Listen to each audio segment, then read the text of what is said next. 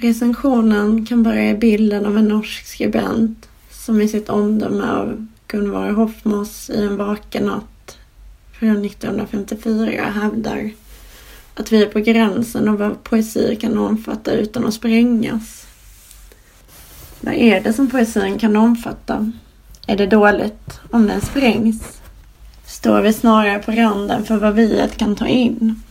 Jag kommer att tänka på det som Paul Celan hos Nelly Sachs benämner som smärtans hybris. Främst på grund av den mycket starka identifikation med de utsatta som också finns hos Hoffmo. Hennes poesi uppgår i smärtan på ett sätt som kan framstå som förunderligt i en nordisk kontext. Hoffmans dikter har en påtaglig förankring i kristen mystik. De behandlar i hög grad lidandets mening, liksom trons mörker. Kort sagt, korset. De utsatta avbilder av den som förnedrades på det.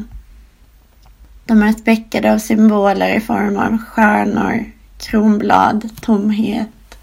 Inte minst präglas de av ett högst personligt förhållande till Gud, som inte sällan tilltalas med du. Citat. De slog honom med käppar och svärd. De dömde honom till döden, min herre som jag älskat över allt. De nattliga bergen ska jag bära på ryggen. De väldiga templen ska jag skaka om bara allt fick vara ogjort. Det som nu väntar honom i natten väntar också mig. Slutcitat. Hoffmo föddes 1921 och växte upp i ett arbetarklasshem, en enrummare i Oslo tillsammans med föräldrar och två äldre syskon. Hoffmos släkt var öppet antinazistisk och socialistisk. Tyskarnas ockupation av Norge medförde enorma förluster för henne. Flera släktingar sändes till arbets och koncentrationsläger, varav två aldrig återvände. Andra arresterades, förhördes och släpptes gång på gång. Gunvor Hoffmo hamnade i arbetsläger där hon lärde känna Rut Meyer. Recensionen skulle också kunna börja i bilden av Rut Meyer och 531 andra judar ombord på fångfartyget Donau på väg att möta döden i Auschwitz. Från fångfartyget skriver Meyer till henne i översättning från tyskan. Citat. Jag tror att det är lika bra att det har blivit så här. Varför ska inte vi lida när det finns så mycket lidande? Bekymra dig inte för mig. Jag ville kanske inte byta med dig. Slutcitat.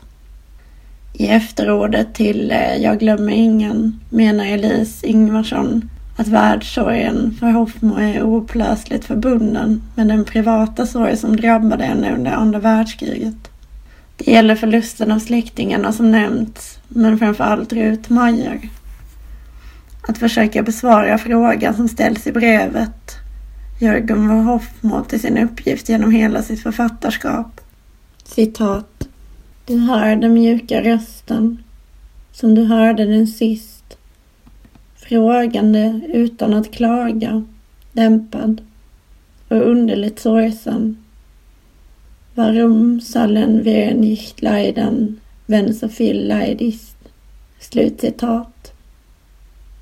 Varför ska inte vi lida när det finns så mycket lidande? Man måste förstås inte känna till Rutmajer.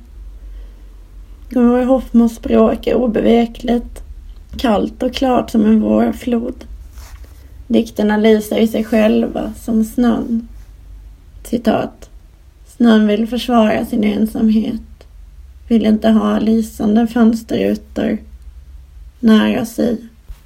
Bara snön ska lysa. Slutcitat. Som med den döde brudgummen hos Nelly Sachs måste läsaren förstå att det en gång funnits en högt älskad människa en betydande skillnad ligger dock i att Sachs, som av Jan-Erik Woll benämns som Offmos medlidare, jo död förklarade brudgummen. Det var ej fastställt om denna de facto var död. Förlusten är med andra ord definitiv och sorgen ett faktum.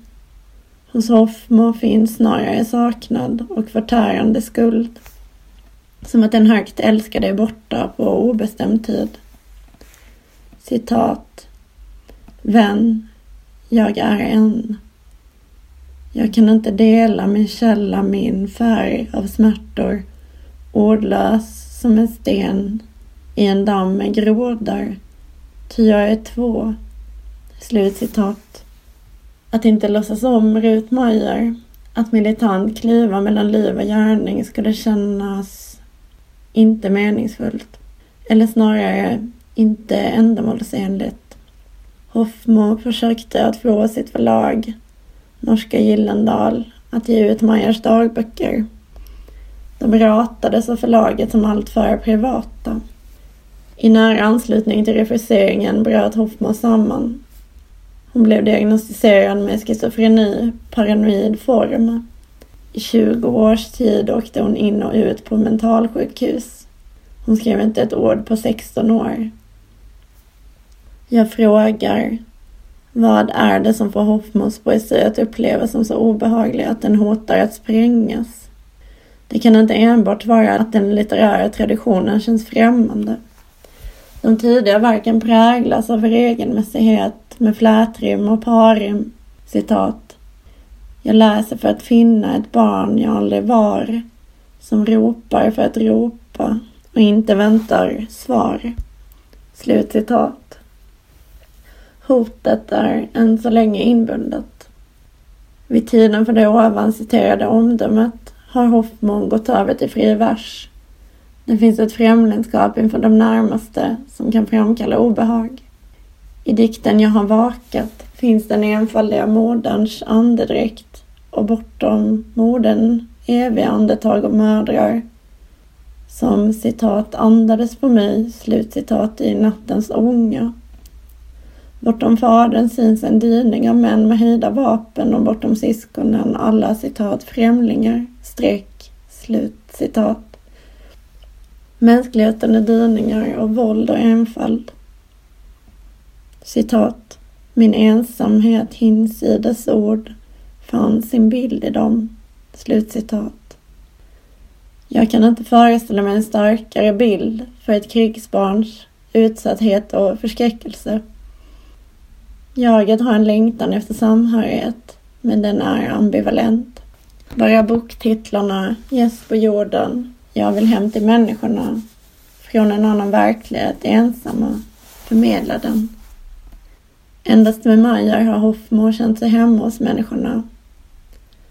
Att hålla bilden vid liv är ett sätt att hålla henne vid liv. Att inte på riktigt närma sig människorna är en nödvändig förutsättning för bilden. Kriget är oåtplånligt och går i allt.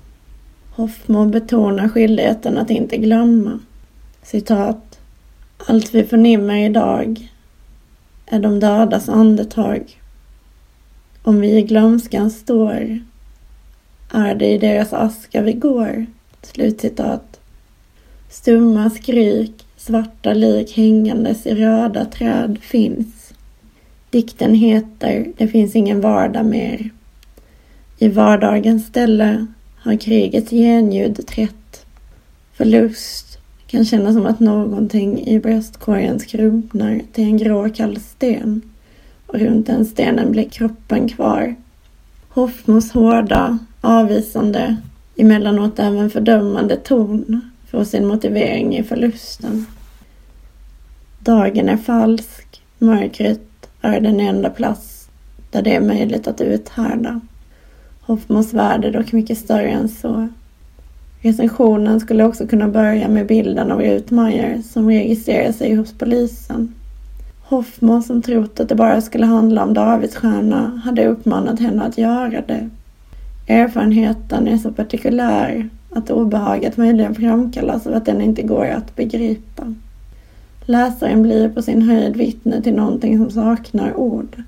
Liksom en sprängning saknar ord. Den egna läsakten måste återuppfinnas, vilket kan upplevas som besvärande. En annan sak kunde vara att jaget hos Hoffmo inte utgör en fast punkt, som det ofta annars gör inom ensamhetsdiktningen. Citat, jag är två, slutcitat.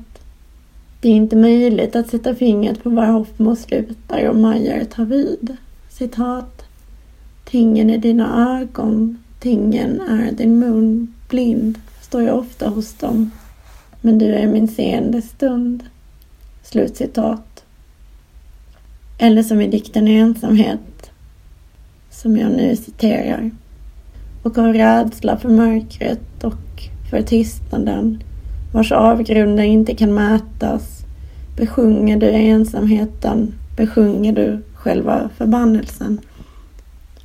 Och mörkret förstår jag ditt ansikte och tystnaden förstår jag din röst. Slutcitat. Rösten kan tillhöra såväl jaget som den saknade, eller båda på en gång. Citat. Snön vill försvara sin ensamhet, vill inte ha lysande fönsterrutor nära sig, bara snön ska lysa. Vill inte ha människors spår över sig, bara hundar och katter och rävar och kråkor ska sätta spår. För de bär samma tystnad inom sig som snön och som månen och stjärnorna. Slutcitat.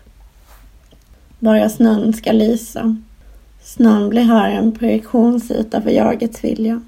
Människorna är bortvalda till förmån för hundar, katter, rävar och även kråkor. Jag menar att den skuld som går igen i dikterna inte måste läsas som bunden till Majer. Citat. Så stjärnorna kan komma fram, så också de kan gömma sig i natten som stilla skuggor, så också de kan stå svarta i natten och andas i sig själva. Slutcitat.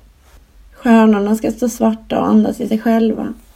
Det finns en frändskap mellan jaget och snön och stjärnorna mot bakgrund av vilken jagets oförmåga slash ovilja att närma sig människorna framträder smärtsamt tydligt.